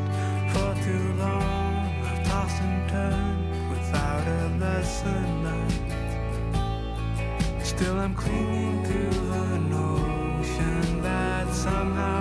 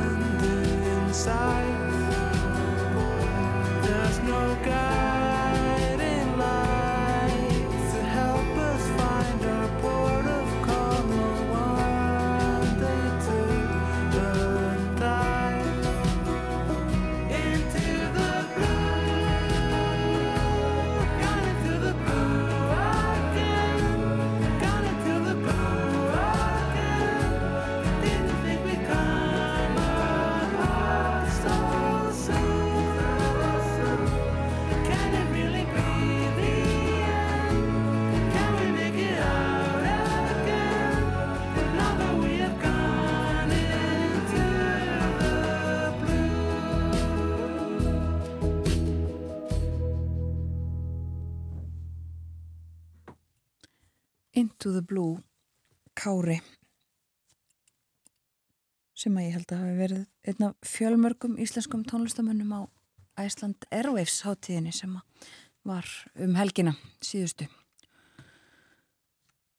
Við vorum að ræða við Gró Einarstóttur, félagssálfræðing um uh, afsláttar, afsláttardaga og uh, auglýsingar og svona neyslu og neyslu hegðun í tengslu með þetta. Hún sagði það róttekasta sem að við getum gert er að vera bara sátt. Þurfi ekki að kaupa okkur eitthvað sem okkur vantar ekki. Uh, Við erum góði í því samt að uh, svona sjá fyrir uh, eitthvað sem að við viljum kaupa okkur og að við svona höfum þörf fyrir það. Við erum mjög slæm í því við erum vond í því að meta svona hversu lengi það mun veit okkur einhverja ánæg þetta var svona meðal það sem kom fram í þessu spjalli okkar. En þetta er nú eh, lífsglíma margra að eh, reyna að verða sátt eða sáttur. já og tölvert flóknar en að, en að segja það bara. Og svo þetta bætist inn í þetta að e, við þurfum alls konar hluti þó að við þurfum nú ekki allt sem við teljum okkur trúum og þá er gott að gera góð kaup þetta er flókið Þetta er flókið, eh, segir Þórun Elisabeth, eh, það er komið að loka morgunvaktarinnar í dag. Eh, Þórun og Björn Þór Sigbjörnsson þakka samfélgina frá því snemma í morgun. Við verum hér í fyrramáliðu þetta líka bjóðum góðan dag þegar klukkuna vantar tíu myndur í sjö. Við vonum að þið njóti dagsins. verið sæl